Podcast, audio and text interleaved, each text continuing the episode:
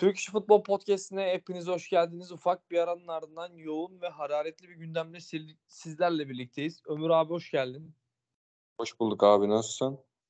İyi diyelim iyi olsun diyoruz ve hayatımıza devam ediyoruz. Sanırım sende de durumlar aynı. Aynı ya iç güveysinden hallice. Seni bekliyorum işte. Zengin olursan akbaba gibi sana çörekleneceğim.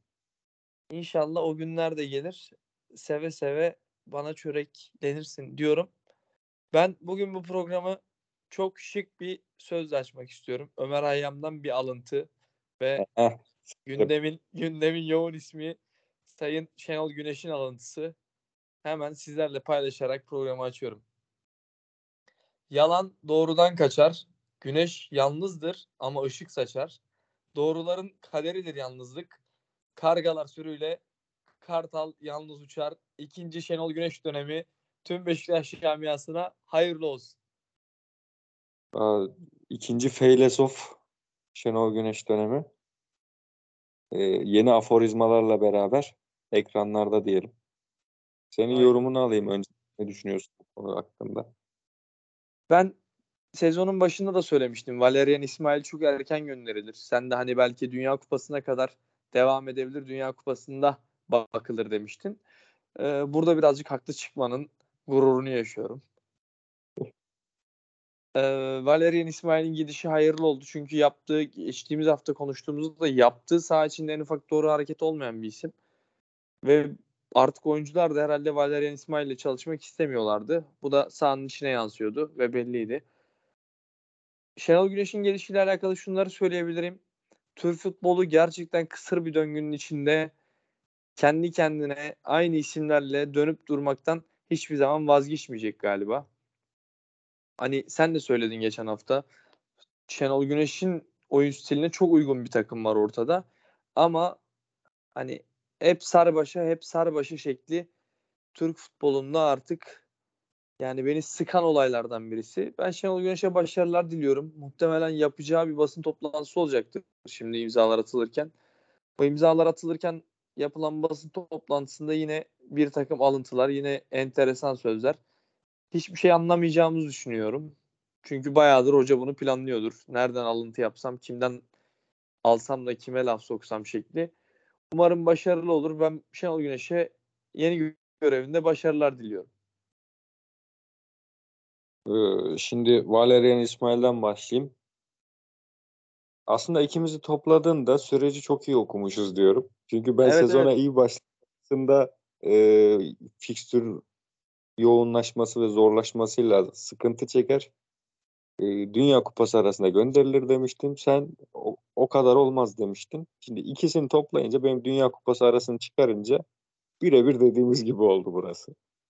Ya yani şey var Ömür hani biz de bu işten anlıyoruz az çok ve hani baktığın zaman profilden bir şeyler belli oluyor yani.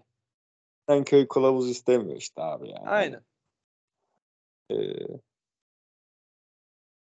şimdi Valerian İsmail'in oyununda şöyle bir sıkıntı vardı.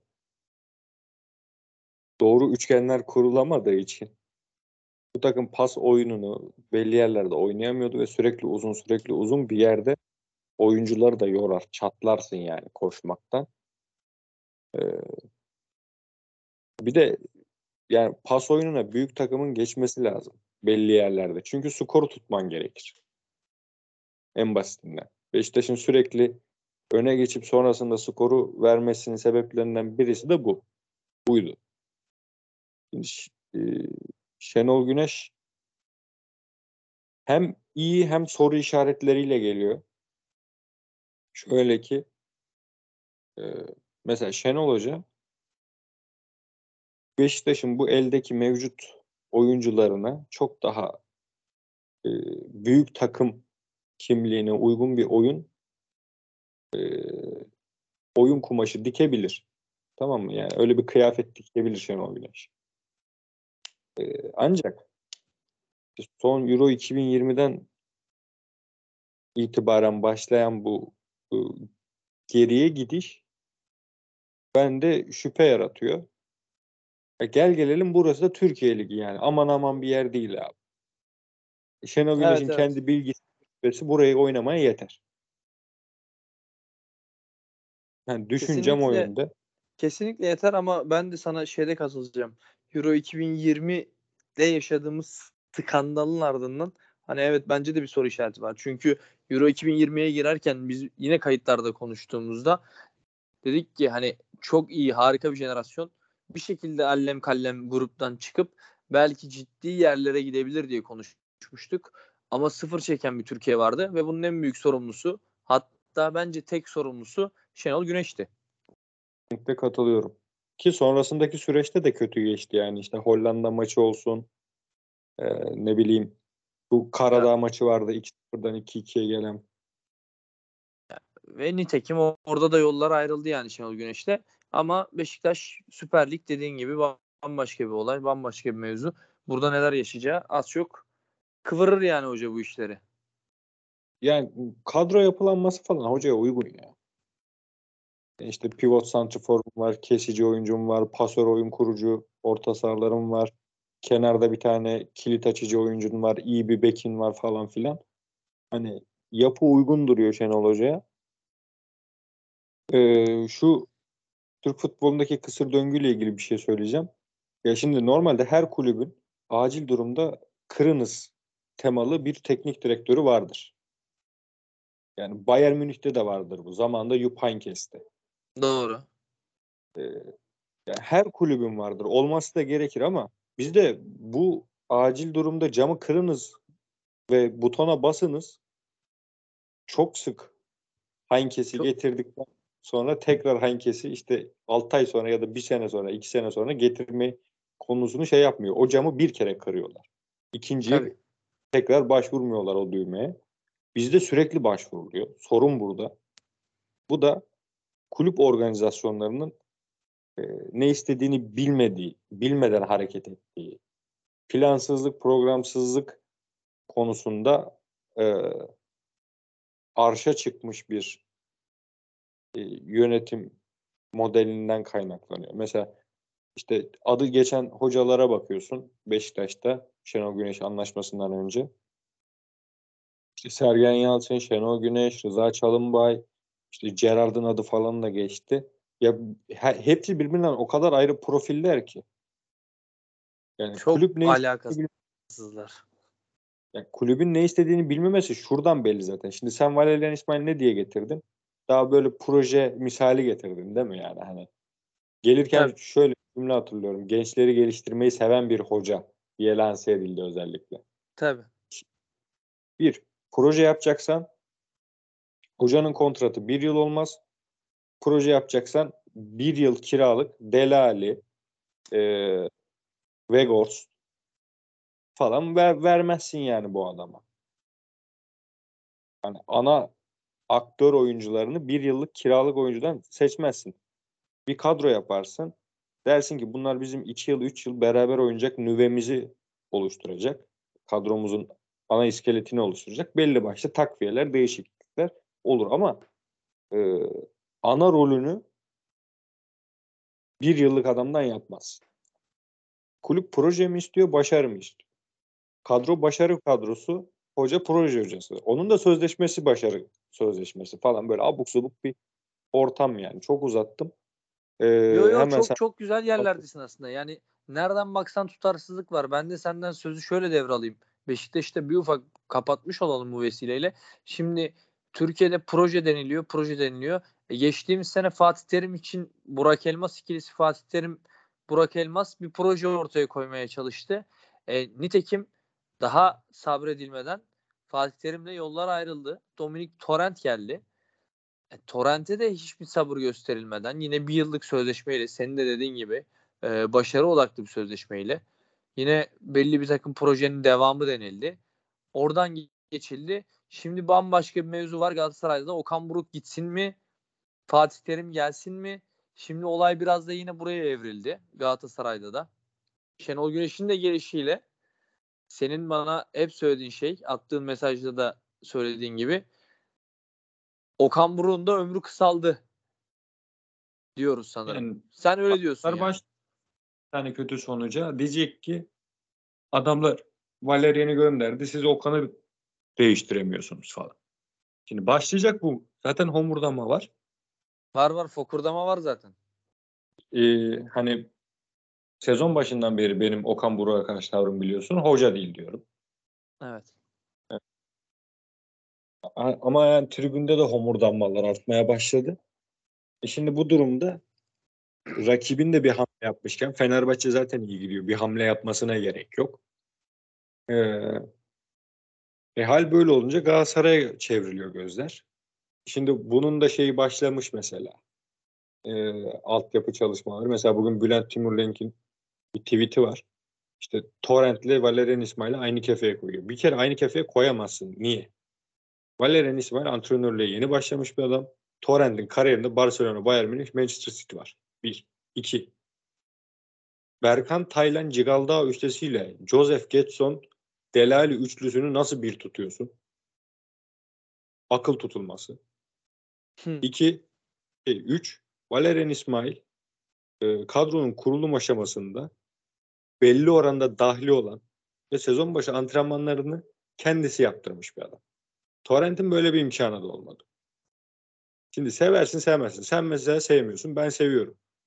Ee, ben mesela Torrent'e yapılan eleştirileri şu yönden haksız buluyordum. Ee, sezon başı idmanını bu adam yaptırmamış. Kadroyu bu adam kurdurmamış. Ve Fatih Terim'in kurduğu kadroyla Fatih Terim'le hemen hemen aynı maçı oynayıp yani bir maç fark var arada hemen hemen aynı puan almış. Bir puan mı iki puan mı ne şey var yani. Torrent'in bir maç eksiği var. iki puan eksiği var. Yani hemen hemen kafa kafaya Fatih Terim'le. Şimdi bu durumda eleştiremem ben adamı. Ee, doğru şansın verildiğini de düşünmüyorum. Neyse.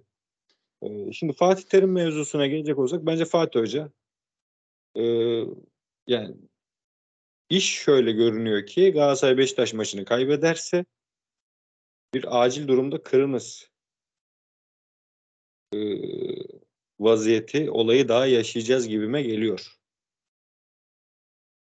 Ben olaya şuradan gelmek istiyorum. Ben şimdi Galatasaray maçının özel, özel olarak konuşacağım zaten. Galatasaray Alanya Spor maçını. Ondan önce Okan Buruk Fatih Terim olayı. Ee, bahsettiğin gibi belki Beşiktaş maçının mağlubiyetle sonlanmasının ardından Fatih Terim için bir kapı çalınabilir yani. Bodrum'a gidilip hocam aman hocam canım hocam denilebilir. Ama ben Fatih Terim'in bunu kabul etmeyeceğini düşünüyorum. Bu ben benim şahsi fikirdeyim. Aynen bu benim şahsi fikrim. Fatih Terim'in şu an bunu kabul etmeyeceğini düşünüyorum. Ve Galatasaray yönetiminin bunu düşünerek, bu şekilde düşünerek yani bir B plan oluşturması lazım. Çünkü gerçekten Okan Buruk'la yani bu sene bu lig yürümeyecek. Bu çok net belli. Şimdi Alanya Spor maçı özelinde de konuşacağım da şuradan gireyim madem Okan Buruk'la yürümeyecek mevzusuna. Yani 2-0 öndesin. Evet 10 kişi kalmışsın. Haksız bir şekilde sonra ya oyunu birazcık daha tutabilirdin.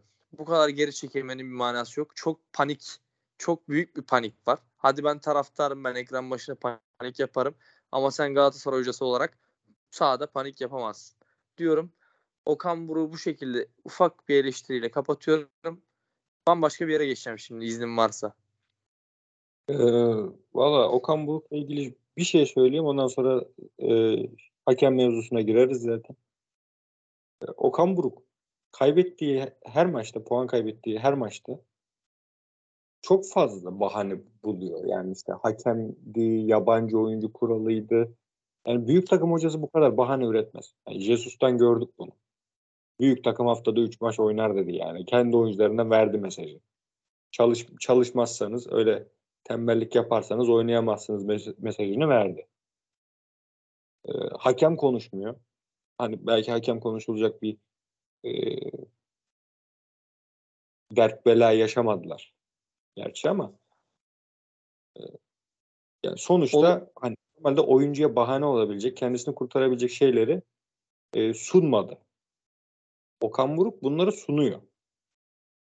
Fazlasıyla. Ve işte çok yani Kastamonu 7-0 yendi. Şampiyonlar Ligi'ni kazanmış gibi böyle bir kutlamalar, sevinçler falan.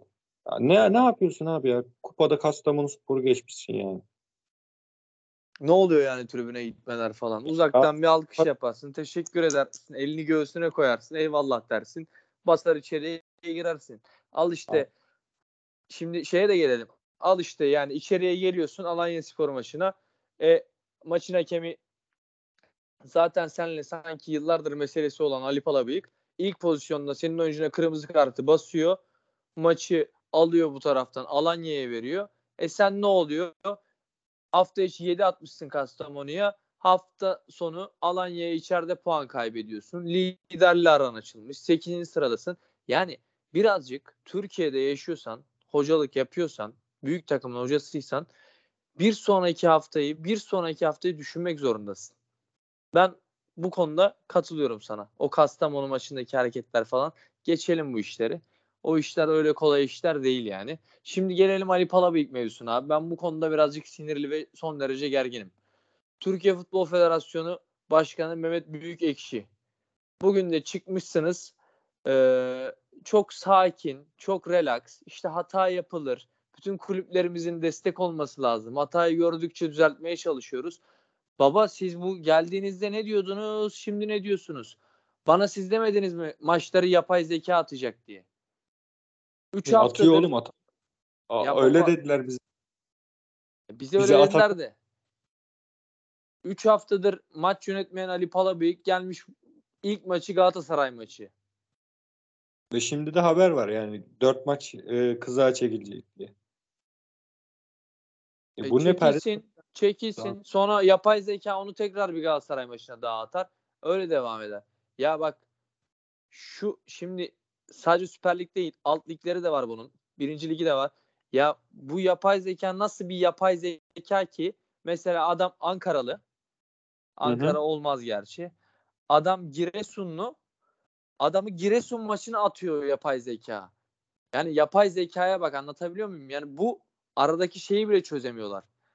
Baba bu, bu yapay zeka bunu çözemiyorsa siz bir kere bu yapay zeka işi yani cebinizden uydurmuşsunuz, çıkarmışsınız bunu. Bu bir kere aç çıkın Mertçe açıklayın biz yalan söyledik deyin ya. Dur şimdi İnsan... yapay zeka dedin benim aklım şeye gitti. 2018 seçimlerinde e, hmm. CHP'de Onursal adı güzel vardı hatırlar mısın? Yapay zeka kullanacağız seçim takibinde. ya bu yok. Ha bu yapay zeka o yapay zeka gibi bir şey oldu. Ya çıkın delikanlı gibi biz atıyoruz deyin ya. Hakemleri maçlara biz atıyoruz deyin. Hata yaparlarsa arkasındayız. Değilse indirdik deyin. Bu Ali Palabı'ya geliyorum şimdi. Saşa Boy'un pozisyonu. Saşa Boy'un pozisyonunda top rakipten açılmış. Hücum oyuncusunun ayağından açılmış durumda. Saşa Boy'un ciddi faullü bir oyunu yok. Mustara kalesinde değil ve arada çok kısa bir mesafe var. Top Mustera'ya doğru gidiyor. Ya Ali Palabıyık yani sana ne söylendi de sen orada direkt kırmızı kartı çıkarabilecek cesareti kendinde buldun. Ya da sen daha önceden Galatasaray'a karşı bir art niyet besliyor musun? Geçtiğimiz yıllarda Rize'de Galatasaray lehine sanki çok iyi işler yapmışsın da bugün onun diyetini mi ödüyorsun? Baba bu nedir ya? Yani, bu kadar ikilem yaratacaksanız yapmayın kardeşim bu mesleği. Yapmayın ya. Ya gerçekten o pozisyon çok net bir şekilde sarı kart. Tüm spor kamuoyu da, tüm yorumcular da, hani futboldan anlayanı, anlamayanı hepsi bu pozisyonun kırmızı kart için çok ağır olduğunu dile getirdi. Bir de şöyle bir mevzu var. Abi, var buna karışmaz. Özür diliyorum Ömür. Bir, şu, Hani bariz gol şanslılık bir durum yok. Çünkü Muslera alacak topu belli yani. Hayır. Çok net belli. Ya, hadi bir kırmızıyı de... verdin. Lan VAR'a git bir bak. Yani VAR'dan ha. sana uyarı geldi biliyorum ben. Bir de oraya geleceğim şimdi. Şöyle bir algı var. VAR buna karışmaz. VAR buna karışmaz. VAR'ı Avrupa standartlarına çekeceğiz. Ya sizin sahanın içinde maç yöneten hakeminiz kalifiye değil. Yani yetersiz bakiye kaliteli maç yönetmeye uygun değil elinizdeki malzeme. E, bu hakemlerle saha içinde maç yönetip de VAR'dan daha az müdahale etmesini bekleyemezsiniz ya. Bırakın müdahale etsinler ya. Hiç olmazsa yani onun hakkı yendi, bunun hakkı yendi olmaz. Bırakın müdahale etti olsun yani. Yani ben bugün Son... şöyle bir haber okudum var Ali Palabıyık'ı çağırıyor. Ali Palabıyık da diyor ki sen bana ne gösterebilirsin ki deyip gitmiyor. Ya yok onlar yalan onlar yalan. O var odasındaki konuşmaların dışarıya çıkma ihtimali yok. Onlar tamamen asparagas haber de. He, Federasyonun yani... e, şeye atması iyice. Hani zaten kurtların önündeydi iyice kurtların önüne atmış hakemi. Ya da var böyle bir şey sarmak için böyle bir haber yaptırmış. Ya hepsi olabilir de o konuşmanın dışarıya çıkma ihtimali çok, çok düşük.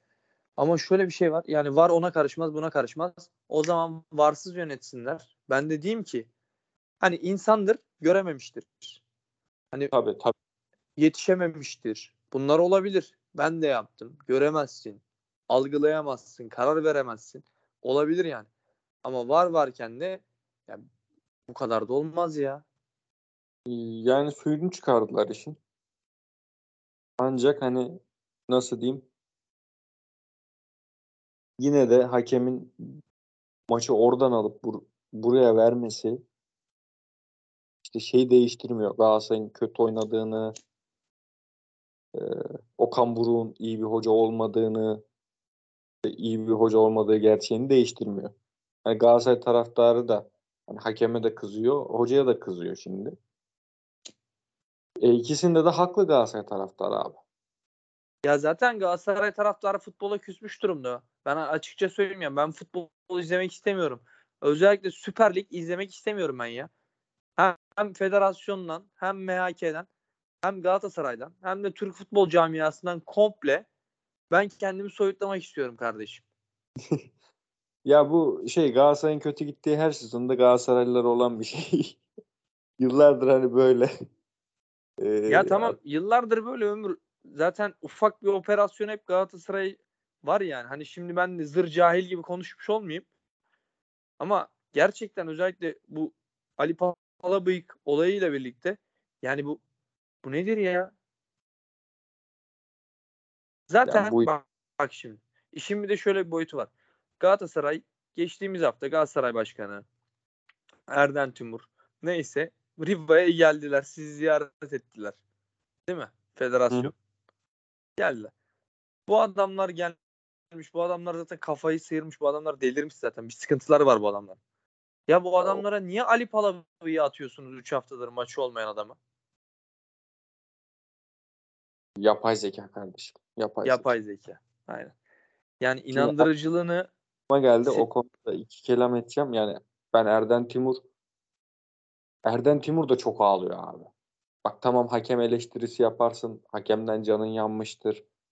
Ee, bunu çıkar konuşursun da ama yani haftada 7 gün var. 5 günü hakem ağlaması yapamazsın abi. Sen Galatasaray'ın yöneticisisin. Bu kadar yapamazsın yani. Her gün Erden Timur görüyorum ben ya. Hakem şöyle, hakem böyle. İşte bir de mesela şey yapıyor. Hücum istatistikte lider diyor. Ulan mesela senin 10 XG'ye ulaştığın şut sayısı 120 küsür. Fenerbahçe'ninki 100 şutta ulaşmış mesela. Sen nasıl lider olduğunu zannediyorsun burada? Sonra o Opta'nın hani bu istatistik şirketi var ya o da e, cevap verince şey yapmayacaksın, bozulmayacaksın yani. Gerçekten çok yoruldum ben ya.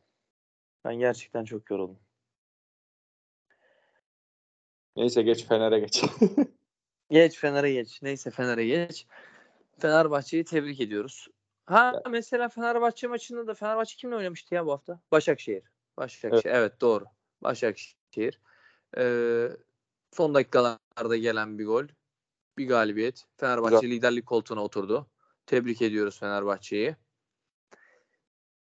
Şimdi Fenerbahçe'nin de maçın içinde verilmeyen bir tane penaltısı var bence. Şimdi ne yapıyor? Fenerbahçe de çıkıyor şey mi yani? Yangın mı yapsın yani? Yani şöyle Fenerbahçe'de skorlar istendiği gibi gitmeseydi o yangın yapılacaktı. Çünkü Ali Koç var biliyoruz. Geçen sene elinde megafon Ali çıktı konuştu. Ya bak şu şöyle bir sıkıntı var yani. Hakem konuşan başkan aslında şunu biliyor. Benim takımım top oynamıyor biliyor. Tamam mı? İşlerin de orta vadede iyi gitmeyeceğini tahmin ettiği için böyle bir hakem yangını yapıyorlar. Bu bütün kulüplerde aynı bak. Fenerbahçe Ali Koç'un 5. yılı bu sene herhalde. 4 yıldır hakemlerden ağlıyordu. Bu sene ağzını açmıyor. Aynı Çıt demiyor. Aynı Ali Koç. Şimdi mesela Dursun Özbek çıktı konuşuyor. İşte Beşiktaş şampiyonluğa gittiği sezon Beşiktaş hani böyle bir yangın yaptığını hatırlamıyorum. Ee, e, Trabzon geçen sene şampiyonluğa giderken hakemden yangın yapmadı ama bir iki maç işler kötü gitsin hakem konuşacaklarına adım gibi eminim. Ve konuşurken ettikleri laflar hep aynı. Yani biz bunu sadece kendimiz için istemiyoruz. için istiyoruz. Ulan bari kelimeleri değiştirin ya. Bu kadar ezber yaşanmaz ya. Ya peki bunu nasıl değiştireceğiz ya biz? Ben gerçekten çıldırmak üzereyim çünkü. Yöneticileri mi, hakemleri mi?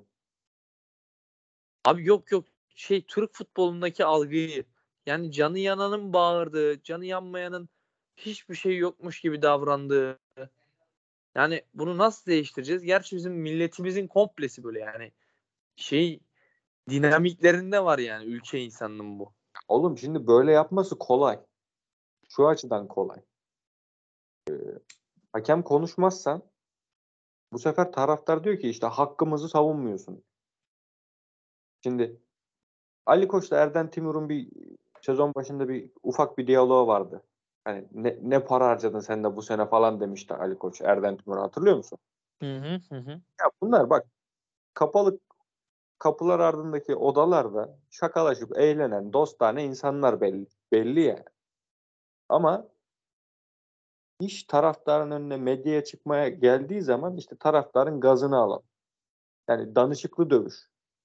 Ben sana sallayacağım bak birazdan haberin olsun. Anladın mı? Taraftarın evet. olması lazım. Türk futbolundan gerçekten artık sıtkım sıyrıldı galiba. Ee, yani kaç yıldır sen de ben de bu işin içindeyiz yani bir şekilde işte ben antrenörlük kısmında bulundum. Sen hakemlik kısmında bulundun. Yani bu işi icra ettik. Ee, Kendim bildim bileli her şey aynı. Hiçbir şey değişmiyor. Ya mesela e, antrenör olursam yani olursam derken yani evet. kalıcı şekilde bir işe girersem bir şeyleri değiştirmek istiyorum ama bu antrenör yetkisiyle neleri değiştirebilirim? Bunu da düşünüyorum. Diyorum ki hiçbir şey olmaz. Yani bizim yapmamız gereken bir tane şey var. Federasyon başkanını futbolu ileri götürmek isteyen fikirleri olan birisinden seçeceğiz ve bu adama demir yumruk yetkisi vereceğiz. Evet Mesela, evet. E, kulüplerin borcu mu var abi? E, öyle yüzde 40 limit falan yok. Limitleri kapattım, transfer yapmıyorsunuz. Bitti. Yani bu tarz demir yumruklara ihtiyacımız var. Belki 4 sene, 5 sene e, kötü oyuncularla kötü futbollar izleyeceğiz. Ulan para harcıyorsunuz da ne izliyoruz sanki? Ya Avrupa... hiçbir şey izlemiyoruz yani. Ne izliyoruz sanki? Kaç tane takım iyi oynuyor şu anda? Ha, oğlum bir Fenerbahçe bir Adana Demirspor. iki tane takım iyi oynuyor işte. İki tane takım diyorsun yani. Hani hadi biraz da Başakşehir'i zorladım. Yani Başakşehir oyun takımına hitap etmiyor ama hadi zorladım. Türk hocaların da mesela bahaneleri aynı. Transfer yok. Sakatımız var. İşte ne bileyim 8 artı 2, 8 artı 3. Avrupa'ya gittik, yorulduk geldik. Heh. İşte hakemler bizi katletti falan. Ee, yani oğlum ya bahaneleriniz bu kadar. Bak yıllardır bahaneleriniz aynıysa bari değiştirmek için bir çaba sarf. Yani antrenörler birliği sendikası gibi bir şey kurmanız lazım. Mesela 4 haftada bir, 5 haftada bir kovulmaktan korkuyorsanız, böyle bir endişeniz varsa ve bu sizin e, işte kötü oyun oynatmanıza sebep oluyorsa tamam mı? Sendikanı kur, birlik ol. Hakkını ara. İşte ne bileyim. Olmaz. Bir şey değiştirmek için adım atın abi. Hep bahane, hep bahane. Yeter artık ya.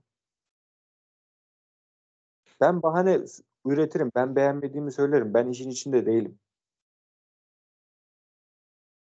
Sen yıllardır bu işin içindesin yani. Senden kas Türk antrenörleri söylüyorum. Yani kimse bir taşı alıp öbür tarafa kaldırmamış. Herkes aynı şeylerden şikayetçi. Hep aynı tas, aynı ama böyle gelmiş, böyle gider.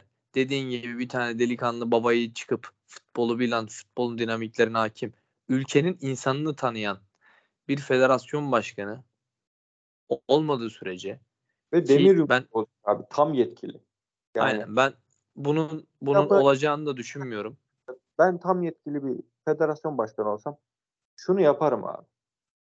3 sene hakemleri yabancı yapıyorum. Aşağıdan yeni hakem getireceğim. Yani gençlerimi yerleştireceğim. Hakemlik e, aşağıda yetişirken notlamalarında da bir ton adam kayırma şunlar bunlar var. Hepsini biliyorum. Sen de biliyorsun. Evet. Bunların hepsini yeniden düzenliyorum. Ve bugünden itibaren hakem konuşan kulübe 3 puan, ikinci konuşmasında 6 puan silme cezası veriyorum. Bak bakayım ne oluyor. 3 sene sonra çiçek gibi hakemin olur. Çiçek gibi de yöneticilerin olur. Yok yok bir şey söyleyeyim mi? Gerçekten federasyon başkanı, MHK başkanı olmamız lazım. Başka yani bu ülke futbolunun kurtulma ihtimali yok. Çok ciddi söylüyorum. Bu konuda da şaka yapmıyorum yani. Bize vermeleri lazım. Ya ben bak Tur, tu, Turan şeydim. Yabancı sınırı diye bir saçmalık mı olur diyordum. Bizim ben, memlekette bence olması lazım abi. Yabancı sınırı serbest bırakıldıkça ya 14 yabancı hakkım var.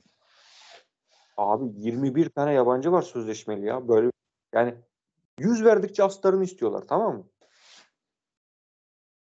Şimdi e size de yabancı hak etmiyorsunuz abi o zaman. Dört tane oynayacak falan Yani hani çünkü elini verdin kolunu kaptırıyorsun ha böyle bir şey yok. Yok yok böyle bir şey kesinlikle yok. Kesinlikle yok. O 21 sözleşmelilere bak. Yani hocaya sormadan Steven Colker'ı transfer ediyorsun. Hoca geliyor iki gün sonra ya istemiyorum ben bunu diyor falan. Şimdi Fenerbahçe'den örnek verdim de diğer hepsinde var. Hepsinde var canım. O en son yaşanan akılda kalan olaylardan birisi olduğu için. Heh. Neyse baba bu yayını burada noktalayalım. Ben bir teklifim olacak sana. Bizim Heh. federasyon başkanlığımızda, bizim MHK başkanlığımızda nasıl bir Türk futbolu inşa edebiliriz? Bir günde bunu konuşalım. Aa çok güzel olur abi. Olur. Bir günde bunu konuşalım. Bizi dinleyenler umarım projelerimize inanarak bizi desteklerler ve Pro- biz de federasyon başkanı oluruz belki. Bence çok iyi olur. Program başlığını Türk futbolunun kurtuluş reçetesi falan diye böyle atar. Reçete yazmasak mı ya? Reçete yazınca şimdi reçete de mesela bu ülkede çok kullanılan bir tabir oldu, oldu ya. He, doğru. O da ayaklara. Başka bir şey yaparız. Onu ayarlarız artık. Üçüncüsünü onu da boş ver. Tamam abi. O zaman biz dinleyen herkese teşekkür ediyoruz. Kendinize çok iyi bakın. Hoşçakalın diyorum ben. Hoşçakalın. Bir de bir ara ortaya karışık alalım ya. Ortaya karışık da yapalım abi. Yapalım. Onun da haberini Twitter'dan bir yerden veririz dinleyicilerimize. Kendinize iyi bakın. Hoşçakalın. Hoşçakalın.